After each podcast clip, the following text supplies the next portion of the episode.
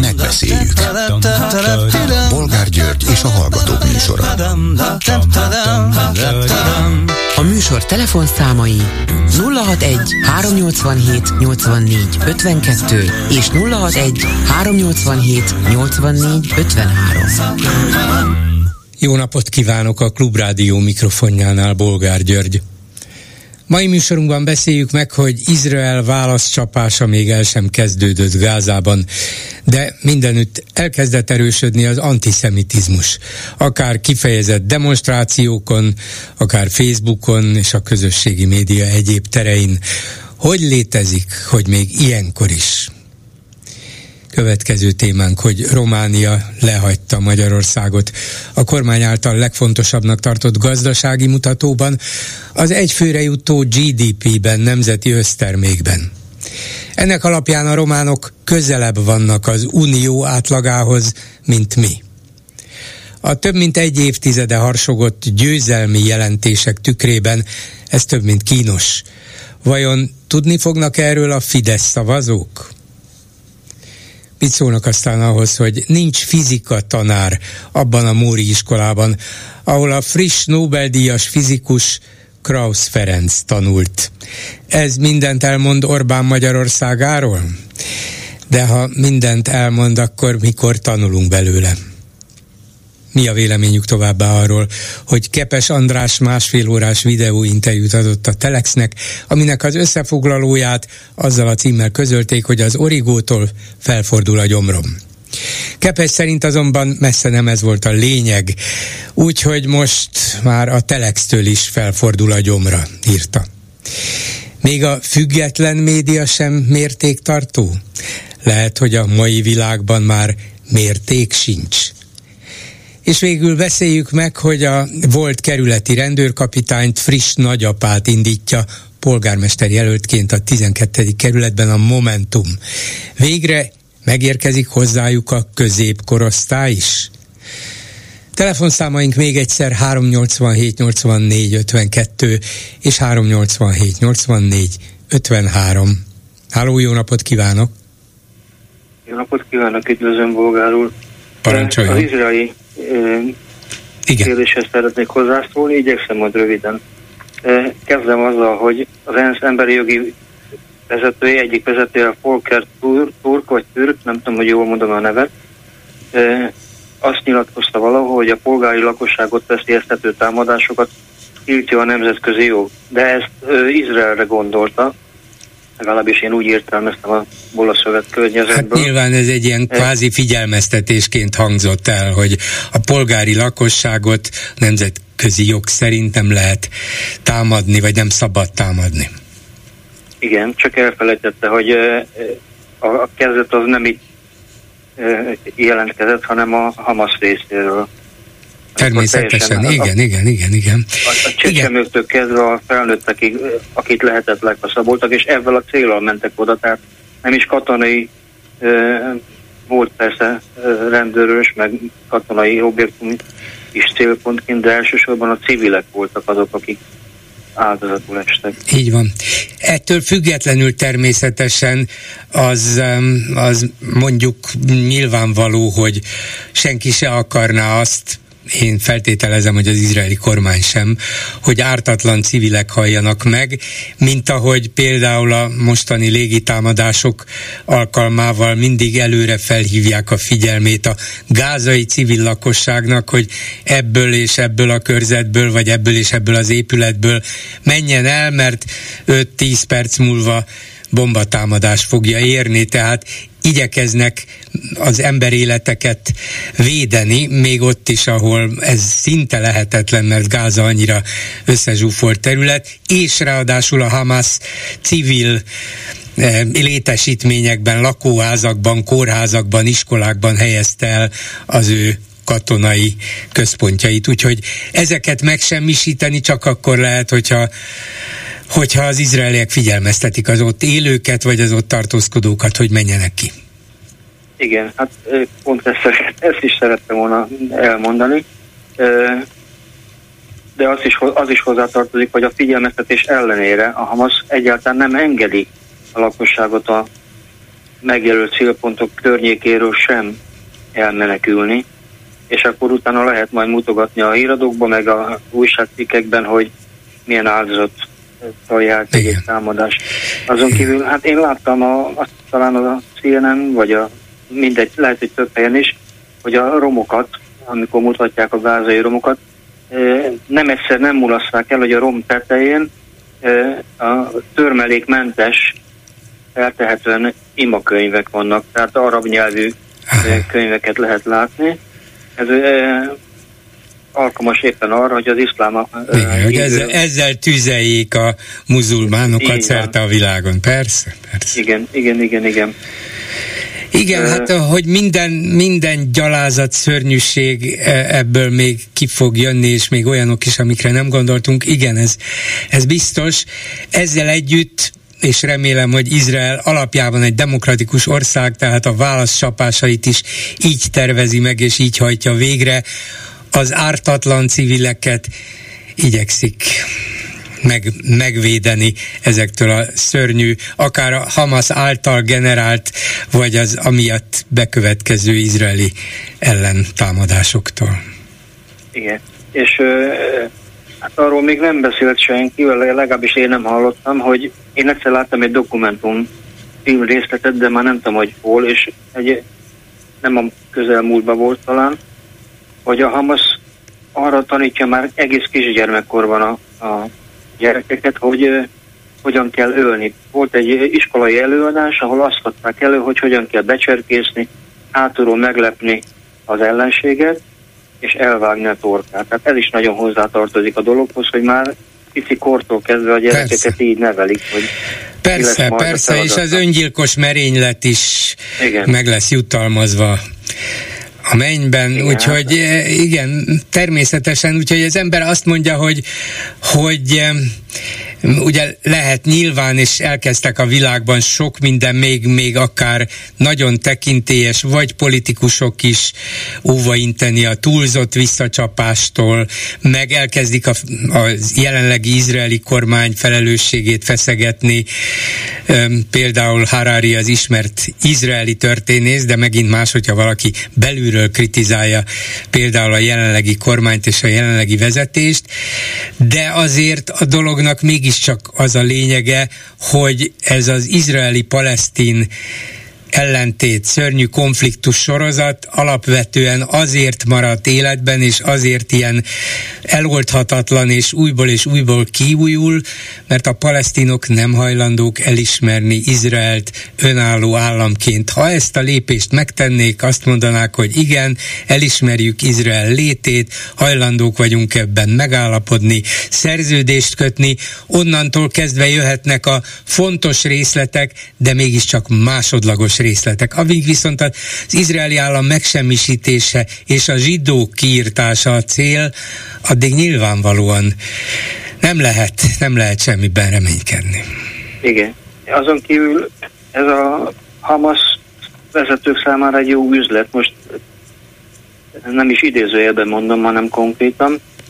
Ugyanis az Európa Uniótól, amit kapnak, a különböző szervezetektől kapnak anyagi támogatást, az a legnagyobb része, talán majdnem, hogy a száz százalék, nem is a rászorultakhoz kerül, hanem a különböző vállalkozás, a Hamas vezetők különböző vállalkozásaihoz, paloták, hát most úgy mondom, hogy inkább villákat építenek, és Európában is van ilyen, szállodák is vannak, amik a Hamashoz köthető emberek tulajdonában van.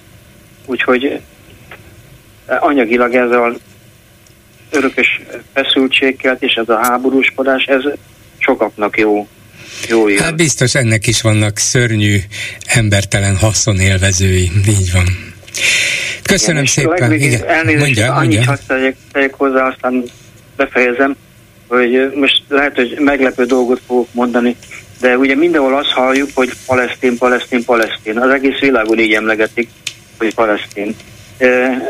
Ennek a történet háttere annyi, hogy ez a római időkben ez a terület Palesztinává lett nevezve. A római hódítók ugye leverték a Alkóba féle ellenálló mozgalmat, vagy, vagy háború volt. Ezt követően lett a neve a területnek Palesztina, éppen azért, hogy a Judea elnevezést kitörőjék az emlékezetből.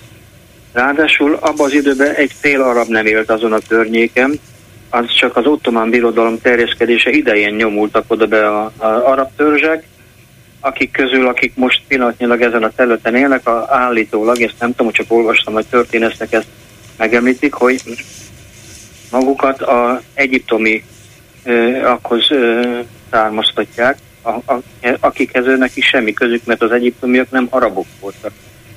Hát igen, igen. Szóval vissza lehet menni több ezer évre is, ettől függetlenül ez a jelen világunkban most már hosszú-hosszú évtizedek óta tartó konfliktus, és persze sok minden, akár érzelmi, akár, akár tudományos, hát valamiféle következménye is van annak, meg, meg, meg összefüggése van mindannak, ami történik, és, és ezeket illik tudni, és, és nem szabad elfelejteni, és számításba is kell venni. Bármiféle megoldás születik majd, remélhetőleg majd egyszer, és minél hamarabb, de azért ezt a szörnyű problémát kellene most megoldani. Az is tény, hogy ott létrejött egy Izrael állam, és ezt az államot a világszervezet, az ENSZ jóváhagyásával, akaratával hozták létre, és az is tény, hogy az arab országok ezt nem voltak hajlandók elfogadni, és mindent megtettek erőszakot és háborút is beleértve, hogy Izraelt eltöröljék a közel-kelet színéről, de ettől még léteznek arab országok is, arab szomszédok is, palesztinok is, ezért valahogy ennek a ténynek a figyelembevételével kellene valahogyan előbbre lépni. Hát ez a mostani brutális hamasztámadás ennek biztos csak ártott és nem segített. Igen. Köszönöm szépen. Hát köszönöm szépen. Viszont hallásra. A telefonnál pedig Farkas Dániel, a Fidelitas elnöke. Jó napot kívánok! Jó napot kívánok! Ebben a szörnyű új közelkeleti válságban, konfliktusban a, az Orbán kormány nagyon gyorsan és nagyon egyértelműen lépett, a lehető leghatározottabban elítélte a brutális Hamas támadást, és elismerte Izrael önvédelemhez fűződő jogát azon kívül, hogy ez, ez olyan magától értetődőnek hangzik és látszik, azért az emberben rögtön fölvetődik az a kérdés, hogy hát ha Izraelnek joga van az önvédelemhez, és ez nyilván a visszacsapást is jelenti, akkor a velünk szomszédos Ukrajna ügyében miért sokkal tartózkodóbb ez, a, ez az Orbán kormány? Az igazság szerkesztő hogy kicsit az almát hasonlítjuk a körtéhez, tehát mindkettő nyilván gyümölcs, és itt ebben az esetben mindkettő egy nagyon sajnálatos háborús konfliktus, de azért én azt gondolom, hogy ha ezeket mélyebben akarjuk elemezni, akkor nyilván vannak nagyon komoly különbségek. Ettől függetlenül szerkesztő úrnak abba igaza van, hogy mindkét háborús konfliktust egy felesleges agresszió indította el. Én azt gondolom, hogy mind Oroszország részéről, mind pedig a Hamas részéről egy olyan cselekedetet láthatunk, amely egy felesleges agresszió, és megfelelő diplomáciai eszközökkel én azt gondolom, hogy ezek megelőzhetőek lettek volna a következmények pedig én azt gondolom, hogy szörnyűek, hogyha az elmúlt napokra, a mögöttünk lévő hétvégére gondolunk, akkor szerintem ezek emberi észszel és fejjel feldolgozhatatlan barbár cselekedetek voltak. Tehát nyilván itt a józanészt keresni a háttérben szinte lehetetlen és értelmetlen is. És én azt gondolom, hogy ha a hozzáállást keressük, és azt, hogy nekünk milyen testtartást kell felvenni, azon túl, hogy elítéljük ezeket a háborús konfliktusokat, arra kell rávenni Európa, illetve a világvezető politikusait, illetve akik ilyen háborúkat meg tudnak oldani és le tudnak zárni, hogy mindkét konfliktusnak minél hamarabb véget kell érni, és én azt gondolom, hogy ez a legfontosabb kapcsolata az ukrán és az izraeli események között. Szerintem mi legalábbis biztosan erről beszélünk hónapok, vagy most már mondhatom, hogy sajnos évek óta, hogy ezeket a konfliktusokat minél hamarabb és békés eszközök módján kell lezárni. Igen, hát elvileg természetesen nincs, aki vitatkozna önnel, mert ez, ez volna mindenkinek az érdeke, csak nyilván az sem mindegy, hogy milyen feltételek alapján, és, és ez ugyanúgy érvényes Gázára, mint, mint Ukrajnára. Tehát ha az Orbán kormány elismeri Izrael önvédelemhez való jogát, akkor vajon mi gátolja meg abban, hogy Ukrajnát segítse az önvédelemhez, mert azt tudjuk, hogy Izrael meg tudja védeni magát a kisebb és bár szörnyű terrorista eszközöket alkalmazó, de katonailag mégsem igazi fenyegetés jelentő Hamasszal szemben. Ukrajna viszont egy erősebb katonai, katonasággal, fegyverzettel, erővel, gazdasági erővel rendelkező agresszorral néz szembe, tehát nekik szükségük volna a támogatásra, segítségre, az önvédelemhez. Ennyiből tehát a dolog részben tényleg nem ugyanolyan, ahogy ön mondta válaszában előzőleg, de másrészt még inkább megkövetelné, megkívánná a segítséget minden európai országtól beleértve minket is én azt gondolom, hogy az önvédelemhez jog, az önvédelemhez való jog az nyilván megilleti Ukrajnát és Izraelt, és minden olyan országot, államot a világban, akit megtámadnak, méghozzá úgy támadnak meg, hogy erre nyilvánvalóan semmiféle jogalap nincs. Viszont ami a kérdésben nem szerepel, de szerintem a legfontosabb a megoldás szempontjából, és én bízom benne, hogy az izraeli konfliktus sem feltétlenül az eszkaláció irányába fog tovább haladni, bár most sajnos én azt gondolom, hogy az elmúlt órák híreiből nem ez derül ki, hogy eszkalálódik egy konfliktus, vagy pedig a békés megoldást keressük. Tehát én bízom benne, hogy az izraeli önvédelem mellett arra is oda fognak figyelni a térség vezetői, és én nagyon bízom benne, hogy a nagyhatalmak is erre törekszenek majd, hogy ne azt eszkalálódjon ez a probléma, hiszen ez naponta sok-sok száz vagy ezer embernek a halálát jelenti, hanem álljon vissza az a status quo, amelyről évtizedekkel ezelőtt döntés született, és hogyha egy picit belehallgattam az előző beszélgetésbe, talán ott is elhangzott az, hogy itt az államoknak egymás létét el kell ismerni, és ez mindennek az alapja, és szerintem itt tudunk szintén visszacsatolni az orosz-ukrán konfliktushoz. Talán szerkesztő úrral egy néhány hónappal ezelőtt erről már egyszer beszélgettünk is, hogy itt abszolút nem látszódik az, hogy egyébként mik a különböző béketervek. Talán akkoriban még, amikor szerkesztő úrral legelőször ezt a témát boncolgattuk, akkor talán még volt, volt egy kínai terv, volt egy EU-s terv, de most én az elmúlt hetekben sajnos már ezekről sem ö, ö, hallok, tehát hogy nyilván sajnos a, a katonai események ö, hozzák magukat, viszont emellett a, a diplomatáknak is dolgozni kell, és egy fegyveres konfliktus tűzszünettel, majd pedig ezt követően egy békével lehet lezárni, tehát én, én azt hiszem, hogy ez lenne a legfontosabb, és Ukrajnában is és Izraelben is ezen kellene most gondolkodni. De ha már igen, ha már visszautalt a hallgatóval folytatott beszélgetésemre, én említettem, hogy hát amíg a Hamász meg a palesztinok nem ismerik el Izrael állam létét, addig szinte reménytelen a megegyezés, de ez az elismerés valóban kulcs szó, de ugyanígy kulcs szó Ukrajna esetében. Amíg Oroszország nem hajlandó elismerni, amit egyébként megtett korábban, és erre nemzetközi szerződés jelzések is vannak, nem hajlandó elismerni Ukrajna területi épségét, egységét, az ukrán határokat, addig nyilván nem lehet elvárni az ukránoktól, hogy adják föl a területeik egy ötödét. Tehát itt kellene keresni valahol a megoldást, ha a magyar kormány ebben közre tudna működni, hogy Oroszország ismerje el Ukrajna határait, akkor talán közelebb jutnánk a békéhez is.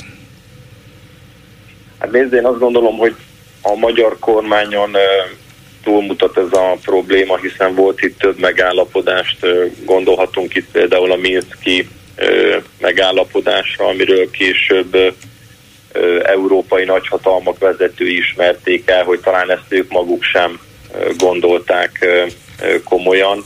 Tehát itt azért felmerül az emberben az, hogy komoly befolyással és döntéshozatali jogkörrel rendelkező politikusok vajon mit tettek, vagy mit nem tettek azért, hogy az orosz-ukrán konfliktus bekövetkezzen, és nagyon érdekes a helyzet, hiszen az elmúlt napokban mindenkinek a figyelme Izraelre szegeződött, de ahogy egyébként szerkesztő úgy jogosan fölveti, azért itt is több százezer halottról beszélünk már a keleti szomszédunknál. Ha összeadjuk az orosz, ukrán és egyéb nációk áldozatainak a, a számát, és én a leginkább ezt hiányolom, hogy még mindig nem hallunk arról, hogy hogyan és miként lehet lezárni, vagy egyáltalán eljutni odáig, hogy fegyverszünetet kössenek a felek. És talán ez a vita már a legutóbbi beszélgetéskor is létezett közöttünk. Én továbbra is azt gondolom, hogyha egy háborús konfliktusba fegyvereket szállítunk, akkor azzal nem a béke és a fegyverszünet irányába megyünk, hanem az eszkalációt fokozzuk. Uh-huh. De hogyha még mindig összehasonlíthatnánk ezt a két konfliktust, akkor ha a magyar kormány elismeri Izrael jogát az önvédelemre, és ez mindent jelent, fegyveres önvédelmet elsősorban természetesen, akkor miért nem tartja legalább ilyen fontosnak Ukrajna önvédelmét, hiszen az Ukrajna ellen folyó orosz agresszió minket sokkal közelebbről fenyeget, mint az a közel-keleti kétségtelenül válság, és kétségtelenül a világra is kiható válság, de ez itt van a szomszédságunkban, hát legalább az önvédelmi reflexeink miért nem működnek? Nézd a szerkesztő, én nem vagyok a kormánynak szóvivője. Hát de a Fidesznek a ifjúsági szervezetét vezeti, igen. az fontos. Igen, de nyilván azért, a, azért az, hogy a kormány mit tesz és mit nem tesz, azért, azért ebben szűkebb körbe tudok nyilatkozni, de olyanra nem emlékszem, hogy bárki is a kormány részéről kétségbe vonta volna Ukrajna önvédelemhez való jogát, hiszen szerintem a kezdetektől fogva egy fontos kijelentés és tény, és szerintem ezt soha nem is vitatta senki, legalábbis a kormány oldal részéről, hogy ez a konfliktus egy orosz agresszióval kezdődött. Persze az is egy fontos Igen, csak azt mondják rá, hogy ez egy, ez egy orosz-ukrán háború, ez minket nem érint, ez egy szláv belháború, nem fenyeget. Hát, és innentől kezdve ezzel akarják megmagyarázni, hogy mi miért nem akarunk például támogatást adni Ukrajnának. De valóban nem fenyeget bennünket? Hát én Nézze, szerkesztő úr, én a kormány részéről nem emlékszem uh, ilyen kijelentésre, hogy ez ne fenyegetne bennünket, hogyha megnézzük a számokat, akkor az Ukrajnából érkező menekültek száma Európában megközelíti a 6 milliót. Sok tízezer, illetve százezer menekült érkezett Magyarországra, közülük több tízezer a mai napig itt vannak, és én azt gondolom, hogy a kormány és a magyar emberek különböző segélyszervezetek naponta támogatják, segítik őket. Érint minket a, onnan is, hogy Kárpátalján magyarok ezrei, tízezrei vannak veszélyben. Tehát akárhonnan közelítjük meg ezt a kérdést, én azt gondolom, hogy aki józan észre gondolkodik, eljut oda, hogy minden háborús konfliktust a lehető leggyorsabban meg kell szüntetni, és nyilván egy másik kérdés, és szerintem ezt ez fontos megnyitni, nem biztos, hogy ennek a beszélgetésnek a keretében, és nem is biztos, hogy a mi feladatunk ez elsősorban, hogy egyébként milyen okai vannak ezeknek a háborúknak és konfliktusoknak, hiszen bár utaltam rá, hogy emberi értelmet nehéz keresni az izraeli brutalitás mögött. Mármint a Hamas, brut- Hamas brutalitás mögött. De, de biztos, hogy az látszódik, hogy ez egy előre megtervezett akció volt, és bizony voltak ott is olyan döntéshozók, akik ezt támogatták és segítették. Na most én azt gondolom, hogy az ő munkásságukat kell a lehető legrövidebbre zárni és meg. Hát igen, de ugyanez igaz Oroszországra is, és tudom, hogy Oroszországot nehezebb rákényszeríteni valamire, főleg nem egy kis Magyarország fogja, de legalább azt a kis segítséget, amit mi meg tudunk adni az önvédelemre kényszerülő Ukrajnának, kellene megadni, és nem csak általánosságban hangsúlyozni a béke szükségességét, ami általánosságban persze igaz.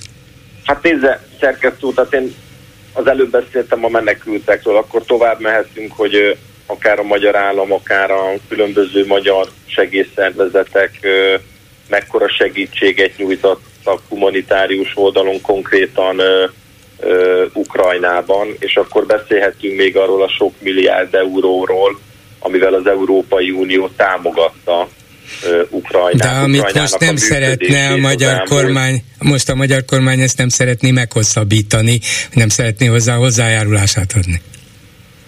Én szerintem itt is azért érdemes ketté választani, hogy a fegyverekről beszélünk, vagy arról a segítségről, amely az ukrán állam működéséhez. Hát mind a kettőre szükségük van. Igen, de a, a fegyvereknél én mindig azt fogom tudni mondani önnek, hogy ha Oroszország és Ukrajna fegyvereket kap, akkor ez a konfliktus tovább tart, eszkalálódik, és annál több ember fog meghalni. Tehát az európai vezetőknek el kellene kezdeni azzal is foglalkozni, hogy egy fegyverszünetre és egy békére rábírja a feleket, mindkét felet. Tehát hát igen, ebben igaza van. Remélem foglalkoznak is vele, csak nem azt mondják, hogy ez nem a mi háborunk, viszont a Fidesz kormány azt mondja, hogy ez nem a mi háborunk. Hát tényleg nem? Hát hála Istennek nem. Ez Oroszországnak és Ukrajnának a háborúja, mert hogyha erről a háborúról beszélünk, a másik konfliktus pedig Izraelnek és a Hamasnak a háborúja, illetve ahogy látom sajnos egyre több állam bele sodródik.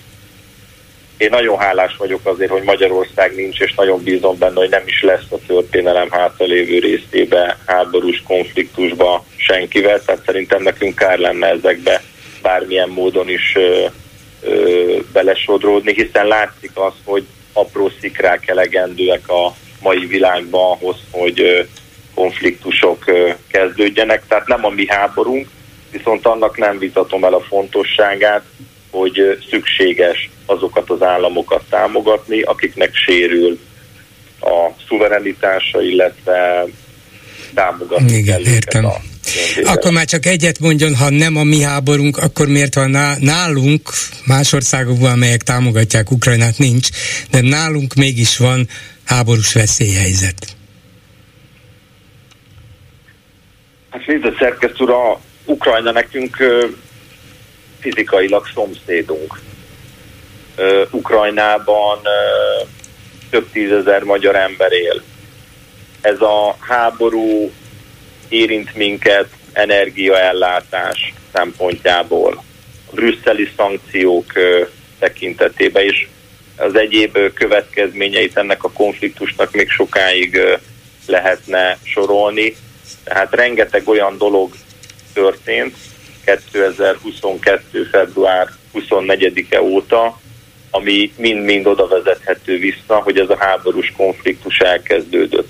Ez a háborús konfliktus lezárul, akkor én azt gondolom, hogy az infláció is másként fog alakulni, Magyarország energiaellátása is stabilizálódik, megszűnnek az értelmetlen szankciók, és szerintem ami a leges legfontosabb, és talán most is erről beszéltünk sajnos a legkevesebbet, hogy megszűnnek az értelmetlen halálok, és talán az a menekült krízis is rendeződni tud.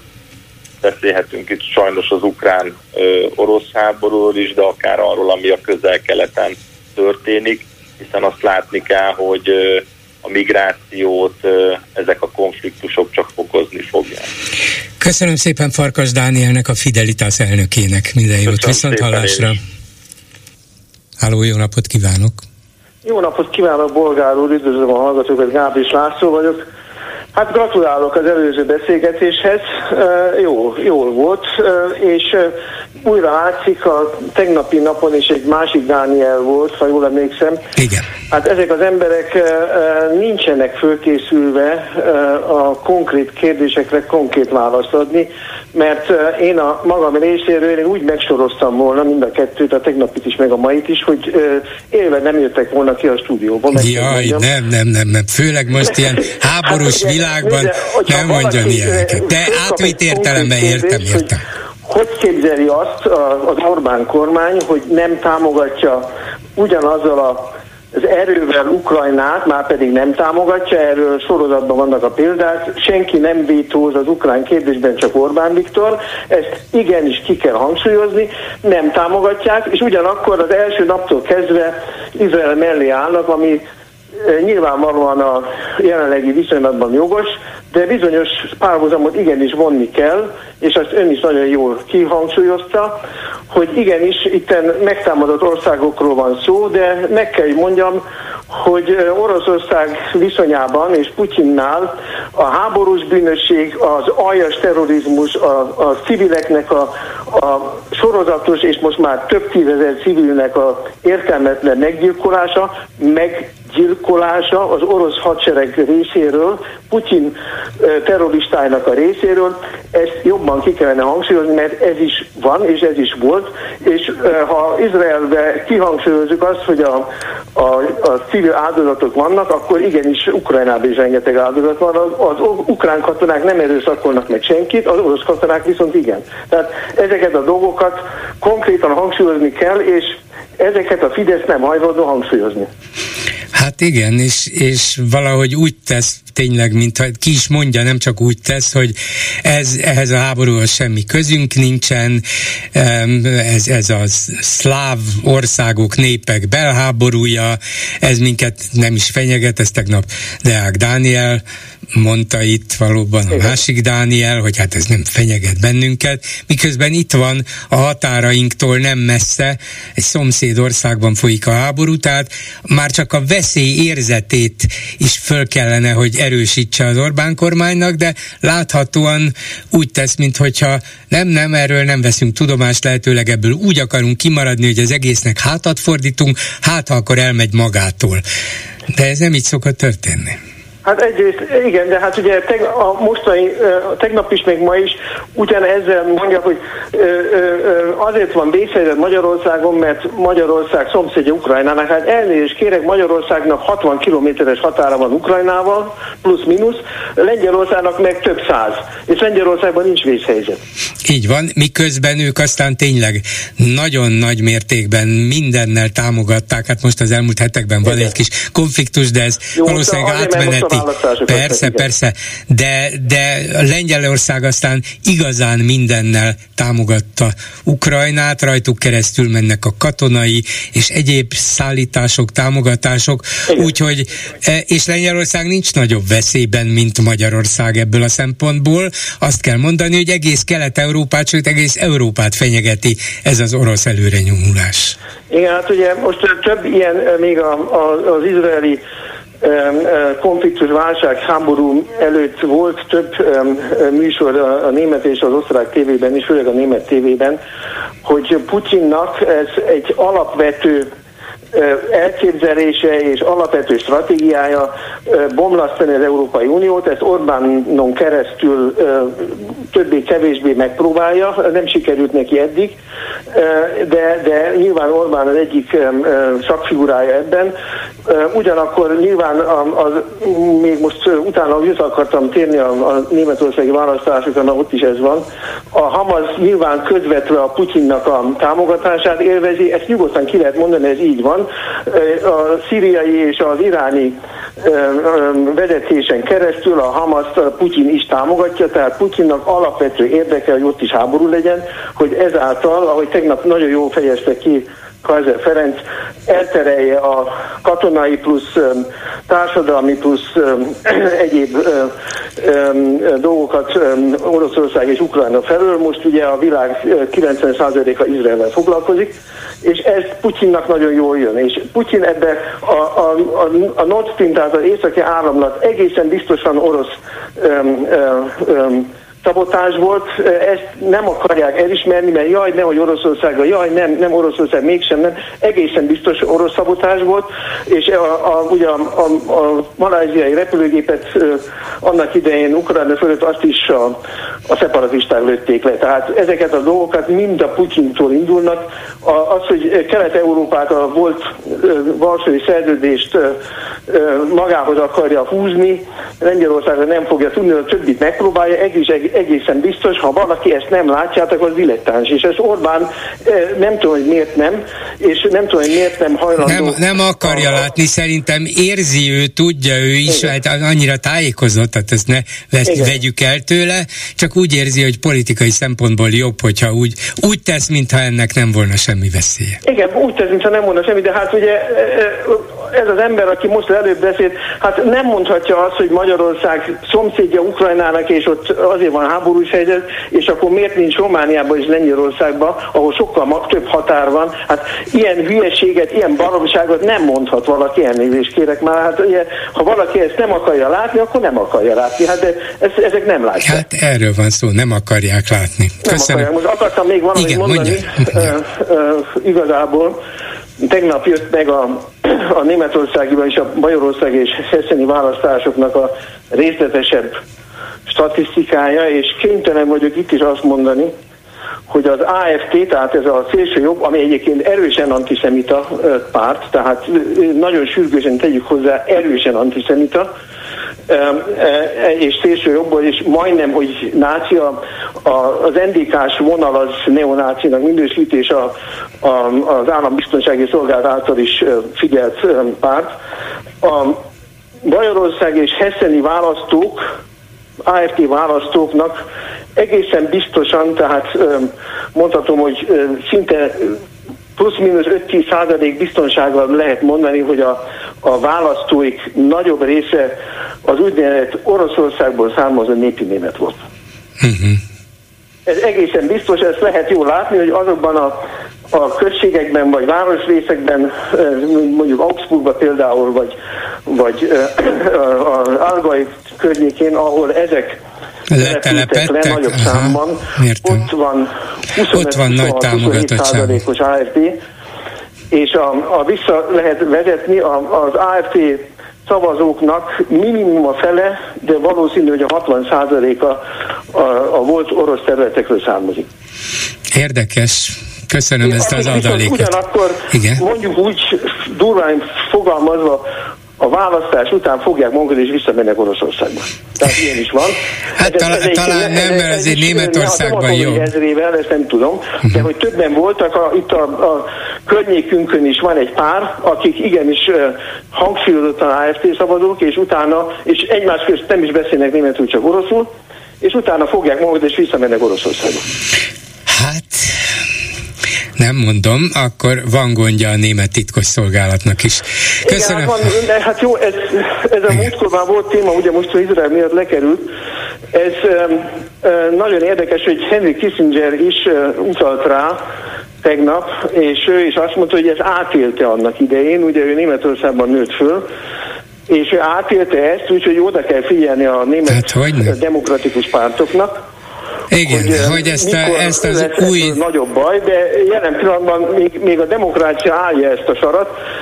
Zárójelben mondom, hogyha az AFT a volt NDK-s területeken is ilyen, vagy ennél magasabb számba fog ellenzékbe, vagy esetleg netán kormánypártba kerülni a tartományokba, akkor a német Európai Uniós hozzájárulásnak egy nagy részét meg fogják csapolni. Ez biztos, így van.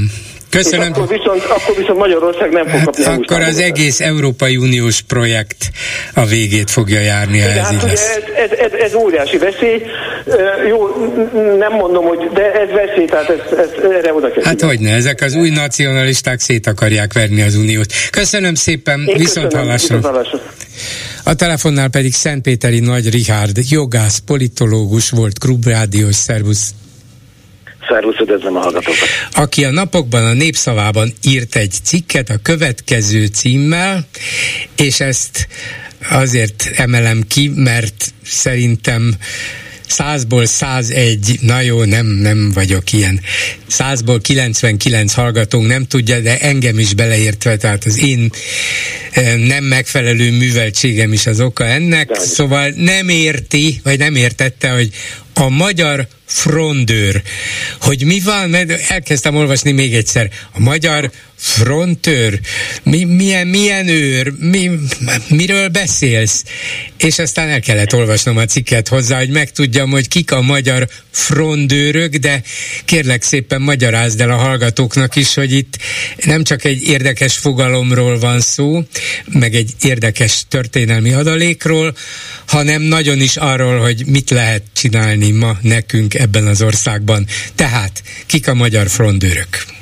Igen, hát nagyon köszönöm, hogy kedvesen érdeklődsz és lehetőséget biztosítasz arra, hogy erről beszélhessünk. Valóban fontos témáról van szó, hiszen arról van ez, ebben az írásban is szó, vagy sok száz másik írásban is, hogy hogyan lehet viszonyulni ahhoz a politikai rendszerhez, amely itt kialakult az elmúlt években, és amelynek most nekünk élmünk adatot.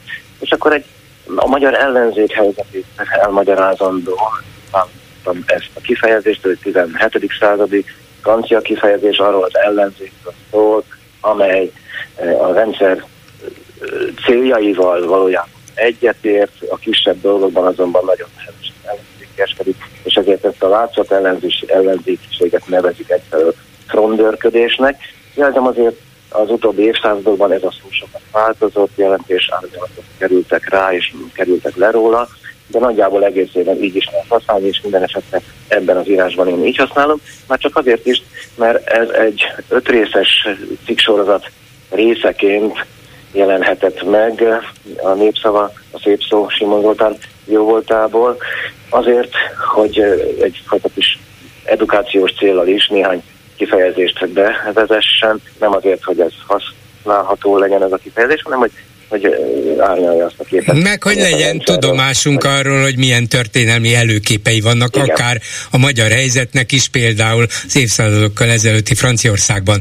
Szóval Igen. magyar frondőr, de te ezek szerint úgy gondolod, hogy a mai magyar ellenzék lehet, hogy kivétel nélkül, de ezt majd elmondod, lényegében elfogadja ezt az Orbán rendszert, belenyugodott, vagy még akár mm, tetszik is neki, és csak különböző konkrét intézkedésekkel, lépésekkel, döntésekkel van baja, azokat bírálja, azokat kritizálja, azokkal száll szembe, de az egész rendszer alapvetően elfogadható a számára?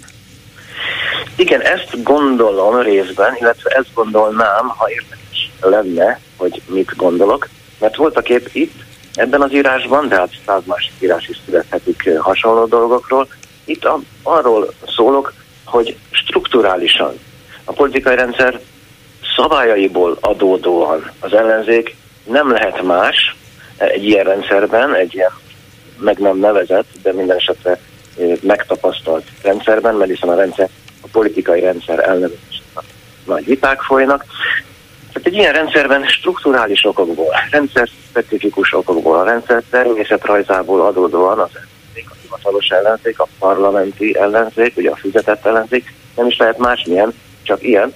Még akkor is ilyen lenne, hogyha egyéb tényezőket nem vennénk figyelembe, már pedig számtalan kulturális, emberi és történeti tényezőt is figyelembe kellene vennünk, de ha ezeket nem veszük is figyelembe, akkor is ott tartunk, hogy ha az ellenzék nem egyenesen rendes emberekből, hanem hogy angyalokból állana, akkor sem játszhatna más szerepet, mint amit játszik, és ehhez még hozzáveszünk, hogy nem angyalokból áll, hanem sok esetben gyarló, megtévesztett vagy éppen lefizetett emberekből, de ha nem így lenne, akkor is azt a helyet, azt a pozíciót foglalná el ebben a rendszerben, amelyet a rendszer számít. Na de ez egy kényszerű pozíció, ezt, ezt lehet nem szeretni is, sőt, az Igen. ellenzéki pártok és politikusok közül több is azt mondja, hogy ez a rendszer egy önkényuralmi rendszer, egy vezérközponti önkényuralmi rendszer, ezt a rendszert meg kell szüntetni, nem egyszerűen csak kormányt kellene váltani, hanem a rendszert is le kellene váltani. Hát tisztában vannak azzal,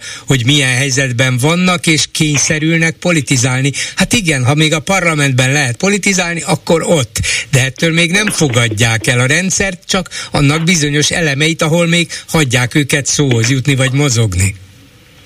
Valóban így van, és ez tényleg egy kényszerű pozíció, nem is lehetne más az ellenzék helyzete, ahogy ezt megbeszélhettük, csak hogy az ellenzék azt is állítja, talán ezt is kényszerűségből, hogy szabad és tisztességes választásokon ez a rendszer leváltható, a kormány megbuktatható, mert pedig ez az állítás nem lehet igaz, mert szabad és tisztességes választások tartása egy ilyen rendszerben fogadnak kizárt, vagyis szabad és tisztességes választásoknak hagyott választásokon részt venni az önmagában a rendszer szolgálatát jelenti. Ezzel azonban nem állítjuk azt, hogy ne vegyenek részt ezeken a választásokon. Más kérdés, hogy hogyan kellett volna eljárniuk korábbi választásokon, de ez a hajó már elment, hiszen a rendszer annyira kiépült, és az ellenzéke is kiépült, akármilyen kisebb-nagyobb mozgásokat látunk az utóbbi hetekben, hónapokban az ellenzéki oldalon.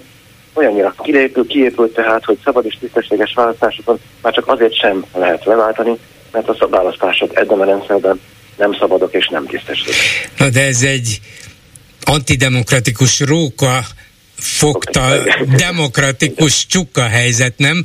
Hát szóval mit csináljon egy ellenzéki párt? Azt mondja, hogy hát én működöm, ben vagyok a parlamentben, kihasználom az ottani korlátozott lehetőségeket, kihasználom a szólásszabadság által még um, megteremthető, vagy, vagy ki, um, működtethető lehetőségeket, még amennyi média felületen van, ott megszólalok, ott írok, ott megjelenek, ott interjút adok, adott, és így tovább. És hát miután választások is vannak, mégis azokon több párt is elindulhat, ezért elindulok a választásokon is, de közben mondja azt ez a róka fogta csuka, hogy hát egyébként mondom, hogy gyertek el a választásokra és szavazatokra, de hát nincs értelme, úgyhogy maradjatok otthon. Hát ezt nem mondhatják. Igen, hát mi ketten már beszélgettünk korábban arról a hallgatók jelenlétében, fülük hallatára is, hogy mit lehetett volna csinálni az első nem szabad és nem tisztességes választáson 2014-ben. Elmulasztotta az ellenzék ennek megtételét, amit helyén, helyén valónak tarthattunk volna. Ott lehetett volna egy erős tömböt létrehozni, és az az erős tömb akár a bolykottot is felvethette volna.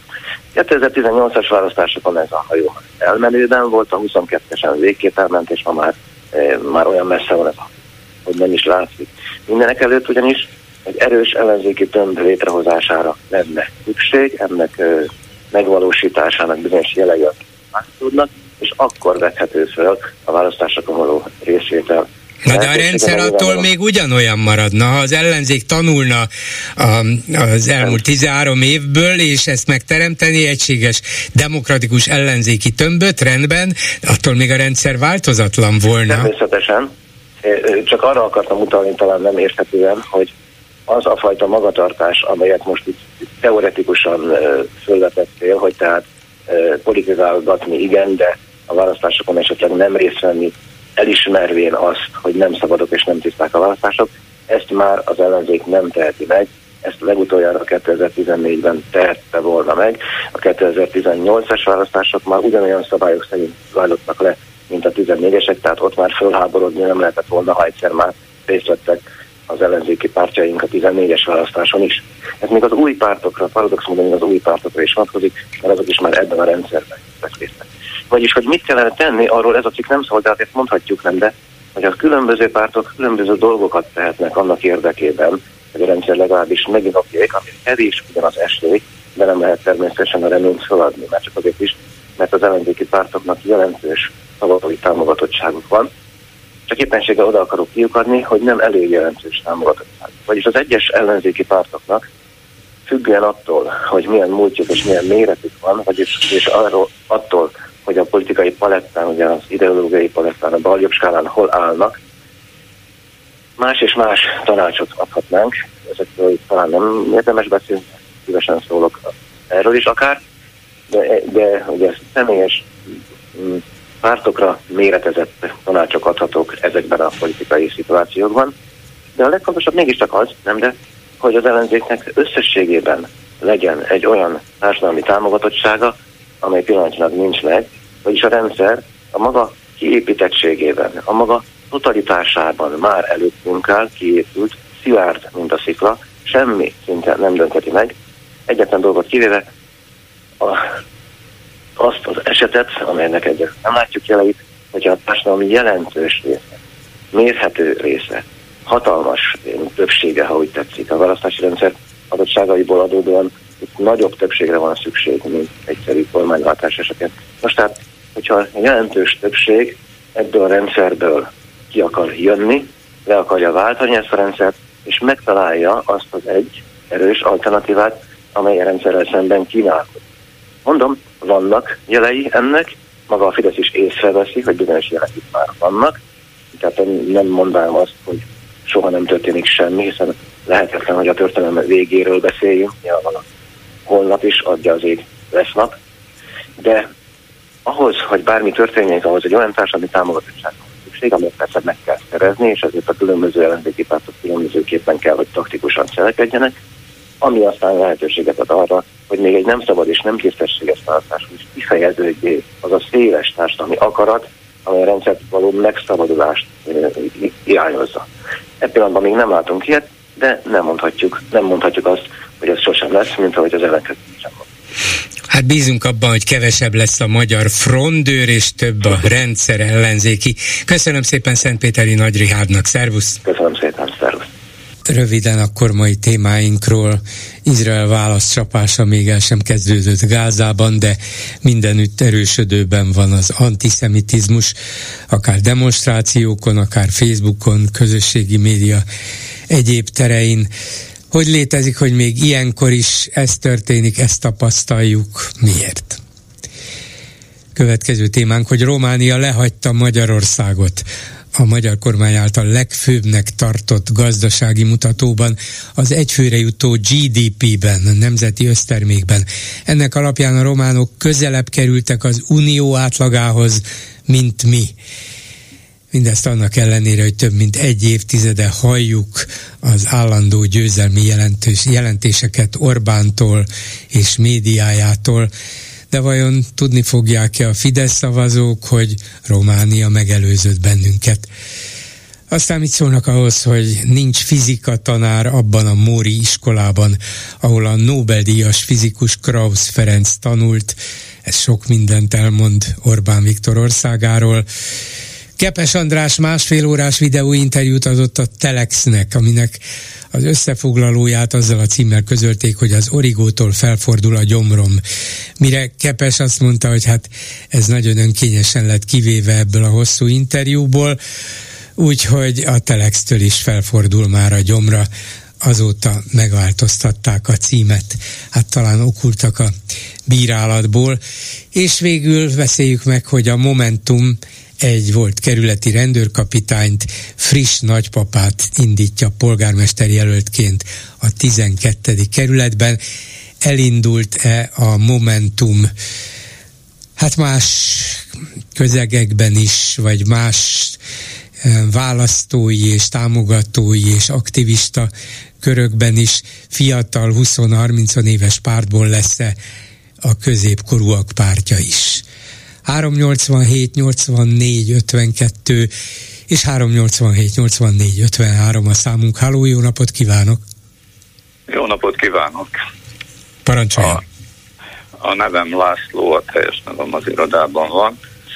Egy évfordulóhoz közeledünk, 94. december 5-én írták alá a Budapesti memorandumot. Ezt az iratot eh, három nyelven készítették, magyarul nincsen, de munkatársaink lefordították. Ennek a tartalmát nem hiszem, hogy a közvélemény eléggé ismeri, pedig nem egy hosszú irat. Ebbe van, hogy a nagyhatalmak megerősítik kötelezettségüket, hogy Ukrajna ellen eh, sem fenyegetés, sem erőt nem alkalmaznak, és semmilyen fegyverüket nem használják kivéve az önvédelmet és az Egyesült Nemzetek alapokmányát. Most miután ennek 29. évfordulója van, és ezt a szerződést vagy memorandumot Budapesten írták, felszólítom Orbán Viktor miniszterelnököt, hogy hívja meg a szerződés aláíróit konzultációra. Ugyanis a szerződés utolsó előtti fejezete az, hogy az aláírók konzultálni fognak, amennyiben olyan helyzet áll elő, amely a kötelezettségekkel kapcsolatos kérdést vett fel. Ha Orbán Viktor valójában békét akar, akkor itt az alkalom, hogy az évforduló alkalmából felhívást tegyen közzé erre a találkozóra. Hogy az eredményenek mi lesz, azt nem lehet tudni. Nagyon jó elképzelés, tényleg. Hát e, ráadásul még arcvesztés nélkül is megcsinálhatná. Persze a valószínűsége annak, hogy eljön Putyin, eljön az amerikai elnök, itt lenne az ukrajnai, az ukrán elnök, hát ennek a valószínűsége ugye szinte a nullával egyenlő, de legalább azt mutathatná, hogy nem csak a levegőbe beszélek, hanem azt mondanám, hogy itt súlyos helyzet alakult ki, próbáljanak tárgyalni arról, hogy ki miért és hogyan sértette meg ezt a megállapodást, és hát ha van ebből valamilyen kiút. A felhívásnak nem kéne tartalmazni a találkozó szintjét, minden állam képviseltetheti magát az általa elképzelt módon, ezt egyébként is fű alatt megbeszélnék egymással. Minden esetre Orbán Viktor méltósága növekedhetne, és a béke esélye valamelyest közelebb kerülne. Igen, hát szellemes megoldás volna mindenképpen. Még ráadásul azt sem mondanám, hogy Orbánnak nyíltan fel kellene adnia az eddigi politikáját, hiszen abba látszólag formailag beleillik. Csak ugye azt kockáztatja, hogy, hogy éppen az orosz barátja fog nemet mondani rá. Hát ezt alkalma volna kipuhatolni Pekingbe, ahol együtt fognak nyilván vacsorázni. Igen, hát Úgyhogy ez, ez, ez az egyik, amit mondani akartam, a másik pedig Izrael kapcsolatos. Van itt a könyvespolcon egy könyv. Hari Savit, Hazám az ígéret földje. Nem tudom, találkozott Igen. vele.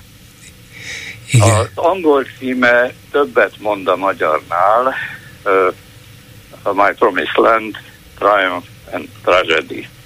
És a tragédia az, ami most történik, az arab népekkel való feloldhatatlannak tűnő ellentét. Az ellentét gyökerei mélyek.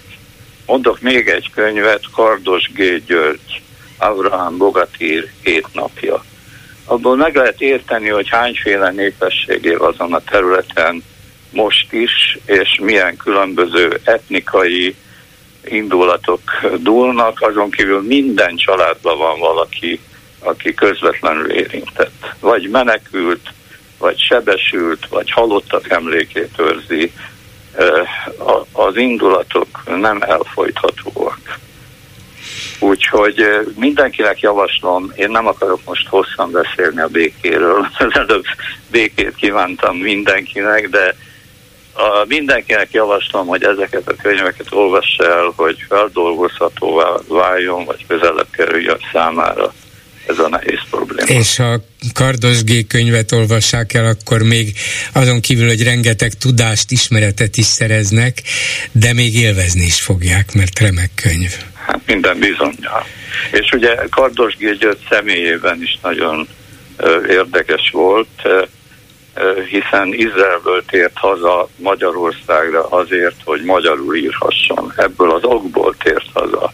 És akik a zsidókat nem tartják igaz magyarnak, azoknak ajánlom a figyelmébe, hogy akiben írói véna van, az csak magyarul tud írni. Ezt mondta Kardos György. Hát igen, igen, de mondanám azt, hogy remélem, hogy kevesen vannak ilyenek, de nem, sajnos nincsenek kevesen, de akár kevesen vannak, akár többen, azért nem árt, hogyha a figyelmükbe idézzük, hogy, hogy mennyi kiváló magyar zsidó író volt és van egyébként. És ezekre az összes nem zsidó magyar is büszke, büszke lehet. És boldogan olvashatja, hogy nalám, mikre voltak képesek. Köszönöm szépen! Köszönöm én is, viszont hallásra. Viszont hallásra. A telefonnál pedig Kis Ambrus, általános főpolgármester helyettes. Jó napot kívánok! Jó napot kívánok, és köszöntöm a hallgatókat is. Hát ahhoz képest, ami itt a Hamas brutális terrortámadása óta hallható, olvasható, látható a médiában, a magyarban is egyébként. Ez egy most már apróvá változott, szinte eltűnt történet, de azért a legutóbbi napokig, még talán ma is lehetett olvasni vezető helyeken a Fidesz médiában, hogy hát ezek a talán a gazember jelzőt kihagyták, de így lehetett érteni, ezek a gazember fővárosi vezetők szórják a pénzt mindenféle arra alkalmatlan vezetőnek, a fővárosi intézmények különböző vezetőinek, vállalatok, cégek vezetői kaptak jutalmakat, prémiumokat, így herdálják el a pénzt, és közben arról panaszkodnak, hogy nincs elég pénz, mert az állam elvonja, ehelyett őket bezzeg jól megtömik egy csomó pénzzel. És azon kívül, hogy ez most már hetek óta megy, és tényleg csak ez a Hamas támadás szorította kicsit háttérbe. Az volt a benyomásom kezdettől fogva, hogy nem lehetett volna valahogy ezt megelőzni, azon kívül, hogy önök tudják, hogy mindenre lő a Fidesz, ami karácsony meg a főváros vezetése, gondolhatták volna, hogy hát erre is fog, meg lehet-e, vagy meg lehetett volna előzni ezt a támadást valahogy? Azt hiszem, hogy egy van, képzelem, hogy van a Fideszes sajtónak címlapja, most csak ilyen virtuálisan, akkor azon úgyis rajta kell valamilyen témában lennie annak, hogy a főváros vezetése tönkretesz mindent. E, ha, ha meg lehetne előzni ezt bármilyen kommunikációs technikával, akkor is valamilyen szempontból ezt a címlapot meg kellene tölteniük, hanem ezzel akkor mással, hát láttuk, hogy időben azzal, hogy gyomokat növezgetünk a városban, aztán meg szándékosan dugókat okozunk erre arra, ilyen címlapok jelentek meg. Ebben az ügyben pedig most a saját kollégáinkat támadják meg rajtunk keresztül, hogy miért is kaptak. Ugye fontos nem jutalmat, hanem prémiumot, és egyébként nem csak az első számú cégvezetők, csak hát az ő esetükben dönt a főpolgármester a többiek esetében prémium kitűzése teljesítéséről a cégeknek a akkor tisztázzuk először a jutalom és a prémium közti különbséget. A Fidesz média nem akarta tisztázni, összekeverte tudat, meg a Fidesz politikusok sem összekeverték. Egyszer prémiumot használtak, egyszer jutalmat. A lényeg az, hogy érdemtelenül kapták ezek a amúgy is magukat degeszre kereső vezetők. Jutalmat nem fizetünk, tehát az jutalomosztás nincsen sem a cégeink vezetőinél, sem egyébként a főpolgársági hivatalban nem volt sem idejében jutalmazás sem pedig tavalyi évben. Bár adható? Bár adható lenne. A, egyébként a cégvezetők közébe pont azért változtattuk meg a javadalmazási szabályzatot, mert azt gondolom egyébként, hogy ez a jutalom kategória az eh, kevésbé érthető és kevésbé eh, lehet szempontokhoz közni. Ezzel szemben a prémium, ugye az be van építve a munkaszerződésébe Egyébként nagyon sok hallgató valószínűleg találkozhat a saját munkahelyén is ezzel, tehát nem feltétlenül a közszférában ezzel, sőt tulajdonképpen ez a versenyszférából át fogalom. Ez a prémium ezt bizonyos célkitűzéshez van kötve, ezt a prémium célkitűzést eléri az adott cégvezető, akkor meg kell adni neki, ha nem éri el, akkor meg nem kell megadni neki ezt a prémium összeget. Ez egy százalékosban van kifejezve, mindig az alapbérinek a bizonyos százalékával van arányba, és az, hogy ez a mi a prémium célkitűzés, és hogy ezt a prémiumot ezt elérje, megteljesítette ezt a célkitűzést a, a vezető, az pedig a felügyelőbizottságok értékelik, és utána ez alapján tud főjött polgármester dönteni arról, hogy elfogadja a felügyelőbizottság javaslatát, avagy sem azt érzékelik, vagy valaki tett rá valamilyen megjegyzést az elmúlt napokban, hetekben, hogy ez a hihetetlen erejű propaganda, ami nyilván a saját szavazó bázisnak szól, de eljut-e a fővárosi cégek munkavállalóihoz? Hát nyilván ott is van Fidesz szavazó, nyilván ott is hallgatják, vagy nézik az állami médiát, meg a kifejezetten Fidesz médiát, bár a kettő az állam és a Fidesz az manapság száz százalékban ugyanaz.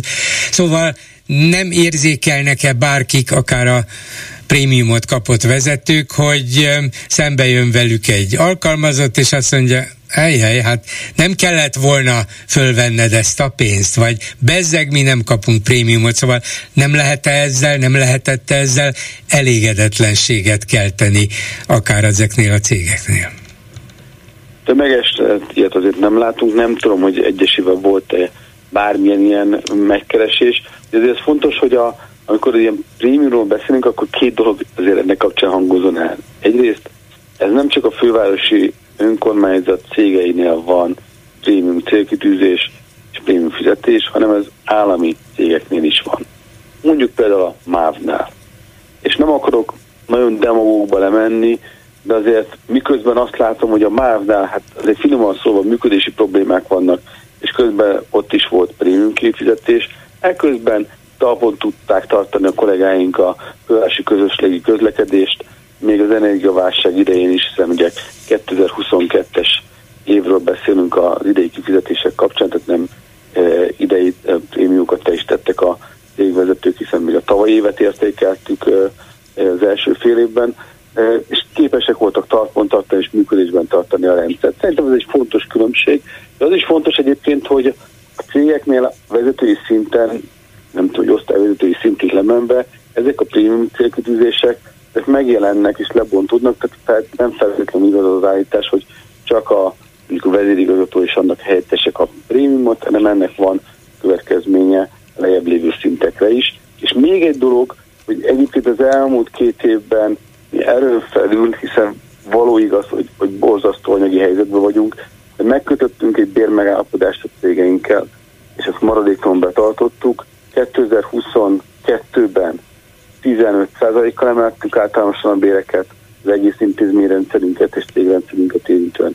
2023-ban pedig 15 plusz 1%-kal emeltük a béreket, ez kumulálva 33,4%-os emelés 2022-23 akkor a végén egy dolgot kérdezek öntől, nem mulasztom el ezt, amikor beszélünk, mindig megkérdezni, hogy a BKV megkapta már az államtól az éves esedékes úgynevezett normatív támogatást?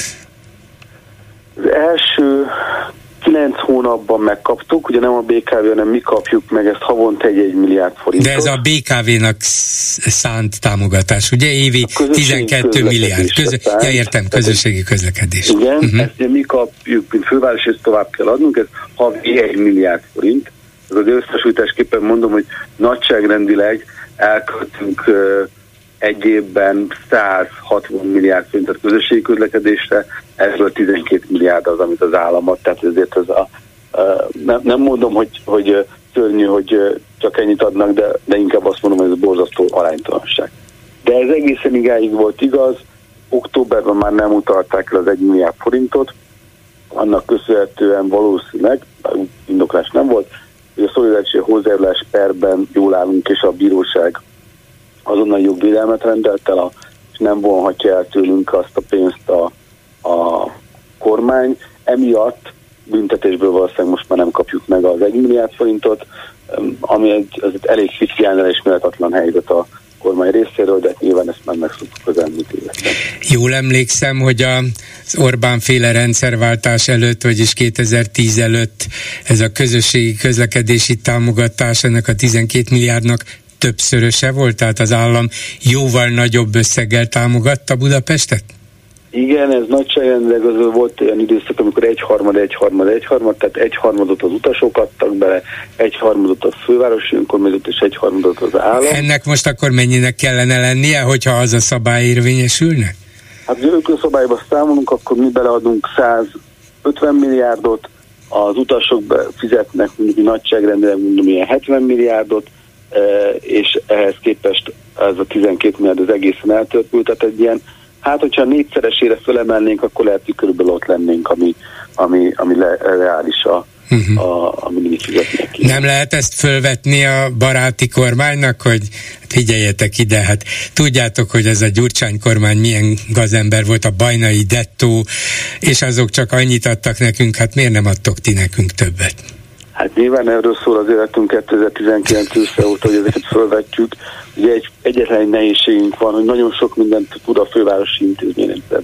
És az a 27 ezer dolgozó, aki nálunk van, tud idős otthonban öregeket gondozni, tud egyébként oroszlánt etetni az állatkertben, tud egyébként buszt vezetni, egyet nem tudunk, pénzt nem tudunk nyomtatni, ez egy nagyon nagy hiányosságunk, ebből következően sajnos minden központi támogatáshoz a kormányzati jó akarat kell, ha pedig ez nincs meg, már pedig ez látszólag nincs meg, akkor ez csak egy felvetés tud lenni a részünkről, ennek semmilyen következménye nincsen. Sőt, hát ugye, ahogy ebben az esetben látjuk, amikor a bíróságon valami igazságunkat, féligazságunkat ki tudjuk harcolni, akkor pedig büntetésként még ami korábban volt, már azt sem mutatja.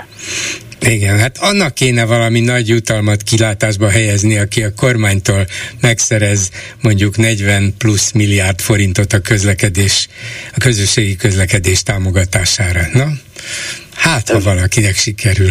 Ez jó ötlet, ezt azt hiszem, hogy úgy hívják, hogy választások és az után elért eredmény. Szerintem ez nem prémium kérdések kellene honorálni. Köszönöm szépen Kis Ambrus általános főpolgármester helyettesnek. Viszont hallásra! Köszönöm szépen, viszont hallásra! És akkor egybe telefonáló a vonalban. Jó napot kívánok! Szép jó estét, Simai Patrik Izraelből. Ó, jó napot kívánok! Ha én, ha én vagyok igen, a vonalban. Igen, igen, hallom önt. Oké, okay, köszönöm. Sajnos nem tudtam idáig hallgatni a mai műsort, és hogyha esetleg van valami aktuális kérdés, valami uh, speciális, akkor megpróbálok nagyon szívesen válaszolni. Hát figyeljük mi itt, itt a rádióban is, meg, meg gondolom az egész média is, azért Magyarországon is, Európában is az izraeli eseményeket, és hogy hogy alakul szinte percről percre, hát mindig vannak újabb fejlemények. Ugye látható, hogy még Gázában a szárazföldi eh, támadás nem indult meg, nyilván ennek az előkészületei folynak, viszont szíriai repülőtereket bombáztak az izraeli légierőgépei, szóval ezeket látjuk, de én inkább arra volnék kíváncsi, hogy hogy milyen a hangulat Izraelben, hogy az emberekben a tehetetlenség, a, a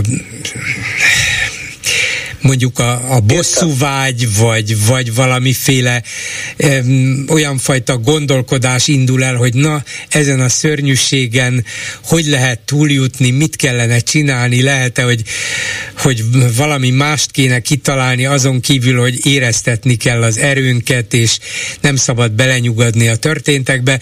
Szóval mi folyik a nyilvánosság előtt, meg az emberek között a magánéletben? Az az igazság, hogy az elmúlt 26 évben azért volt szerencsém idézőjelben párszor, tehát minden esetben részt venni, amikor itt történt kisebb-nagyobb incidensek, de most ez teljesen más. Szóval az utcán érezni a levegőben, ez egészen más, mint hogyha egy másik országban lennék. Tehát az, ami volt a múlt hétig, soha többet nem lesz, óriási a változás, az emberek a, az igazságért kiáltanak, és egyszerűen nem tudják feldolgozni azt a tehetetlenséget és a inkompetenc, inkompetenc, inkompetenciát. Igen, köszönöm.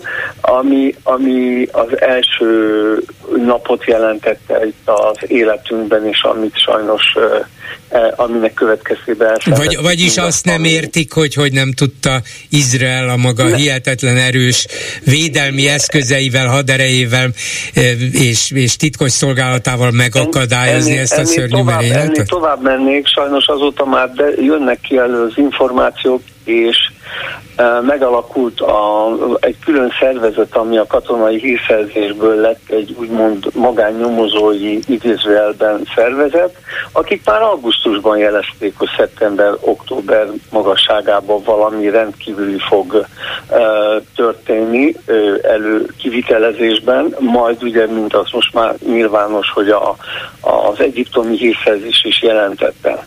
Sajnos ez a, úgy néz ki, hogy a katonaság legfelsőbb szintjén és a és az államvezetés legfelsőbb szintjén elakadtak ezek a dolgok, hogy ez most mennyire lett uh, eltusolva, uh, mennyire méretezték alul az ellenségnek a, a reakció képességét, hogy esetleg úgy találták-e, hogy az lesz, ami eddig volt régen, hogy bejöttek egy kicsit, lövöldöztek, kárt okoztak, majd eltartott az egész konfliktus egy hétig, és aztán lecsendesedett különböző megállapodások keretében. Hát ez ez aztán teljesen a fejére esett, és dugába dőlt, és az első két napban, három napban nem lehetett látni a extra ultraortodox pártok vezetőit, a Bengvir, Smotrich és Árjederi triumvirátust, szinte bujkáltak a nyilvánosság elől, és még olyan uh, fanatikus, uh, nem likudnyikok, mert a likud az itteni Fidesznek megfelelő, hanem akik kimondottan Netanyahu rajonganak, azok is ezt mondták, hogy ez, ez embertelen és távoznia kell azonnal. Persze hát nyilvánvaló, hogy azonnal nem lehet, mert annál dedikáltabb a helyzet. Most ugye összeült ez a vészhelyzeti kormány, hogy próbálja egyenes vonalba terelni a dolgokat, amennyire lehet, de már ezt is fúrják a, a három említett úr, mert hogy ugye veszélyeztetve látják és érzik az ő pozíciójukat és beleszólásukat, ami, ami eddig, eddig is úgy történt, hogy a saját közösségüknek kedveztek szemben a Izrael képviselő többséggel a, nem tudom, hogy mondják ezt, a, a laikusok, tehát nem az ortodoxiával, nem a nagyon vallásos réteggel, uh-huh. hanem a, a, a segítsen már, hogy mondják ezt a akik hát, nem olyan vallásosak, csak sima hétköznapi emberek. Igen, igen, igen, igen. Hát nem, nem a vallási szélsőség, hanem a, azok az átlag emberek, akik lehet, hogy vallásosak, de mégsem a, az ortodox, vagy ultraortodox. Igen, azok, igen. akik hagyomány, igen. hagyományőrzők, vagy valami, az, azok a semmi gond. Azok, akik teljesen áttestek a ló túlsodára, és ők azt akarják, mert sajnos ezek azt akarták, hogy azt szeretnék, hogy itt is egy olyan fundamentalista ország legyen, mint Irán, tehát mindent a tórai törvények alapján lehessen tenni, hogy szabályozzák, hogy ki mit csináljon, hogy éljen, hát ez nonsens, ilyen az büdös életben nem lesz, ez biztos vagyok, mert ezt, ahogy az utcán beszélik az emberek is, ettől borzong mindenki, és ezt soha nem fogják megengedni. Hát meg akkor, uh, akkor például kivédené Izraelt. Kik lennének a, a katonák? Arról nem beszélve, igen, a háború megkezdése előtt már uh, született egy statisztika, hogy közel 450 ezeren, 25 és 45 év körüliek vannak, vagy voltak készen arra, hogyha nem változik a kormány, vagy a kormány politikája, és ezzel a gazdaság, akkor készek elvándorolni. Pont az a réteg, akik maximálisan fizetnek adót, ami nálunk nem kevés, akik a szervizt, a katonai szolgálatot teljesítik, kívül egyszerűen ők fognak elmenni, a vallásosok fognak elmenni katonai szolgálat, amikor a legalapvetőbb dolgokat nem csinálják meg és nem fizetnek adót, és nem, de mindenből kérik a részüket. Na, szóval ebből elege van az országnak, és ebből biztos, hogy változás lesz. Um, amit a, a tévék most mutatnak, most reggel, ahol én lakom, az kb. Tel Avivtól egy olyan 45-50 kilométerre északra van, itt a legkeskényebb az ország, tehát olyan három kilométerre vagyunk a cisziordániai faltól, elválasztó faltól, Ma volt először, hogy megszólaltak a légi riadók, és kaptuk a applikáción a, a, a riasztást a, a polgár, polgári védelemtől. És kiderült, Lehetett hogy is, miért? Lehetett is hallani, persze. Uh-huh. Én a kis kutyámmal bementem a, a bunkerszobába, és pont rá egy percre a légnyomás megmozgatta az ablakokat, igen, tehát azt nem tudom, hogy milyen messzeségben volt, de igazából nem nagyon érdekel már, amikor fölrobbant, de hát szép, szép, szép robbanás lehetett, hogyha egész idáig elhaladtott hozzánk. Hát, Azóta nem történt, nem történt hála az égnek. Ma úgy látom, ahogy a híreket nézem, hogy uh, lent továbbra is helyi kis, kis idézőben harcok továbbra is folynak. Természetesen levadászás, és ezt a szót kell használni a Hamas, és ez a Hamasra értendő. Ezeknek a vezetőiknek továbbra is folyik, és nem fogjuk abba hagyni, mert Izrael az elmúlt évtizedekben mindig megállt. Tehát egy, egy képzelbeli vörös vonalnál, amikor elértük, akkor megálltunk, és onnantól kezdtek a, kezdődtek a tárgyalások, amiket aztán persze soha nem tartottak be, és eljutottunk idáig. Na most, amit szeretnék mondani, mert tegnap, tegnap előtt hallottam a műsort, és többen hozzászóltak, sőt, volt szakértő úr is, amit eh, én nem tudok nagyon eh, elfogadni, hogy mondjuk valaki ott ül egy irodában és összeollózott külföldi headline-okat olvas föl és kommentálja a, a maga eh, gondolataival, de a leglényegesebbet nem hagyták ki azt, vagy nem hangzott el, hogy ez figyelmeztetés elhangzott hónapokkal ezelőtt, azok az emberek, akik ide átjöttek, azoknak az elsődleges céluk, hogy elfogják, elfoglalják azokat a déli kibuc hely, helyeit, hogy előre tudják tolni a, a gázai övezetből az, az állásaikat, és abban a pillanatban ez sikerült volna, akkor északon a Hezbollah nyomban beszállt volna.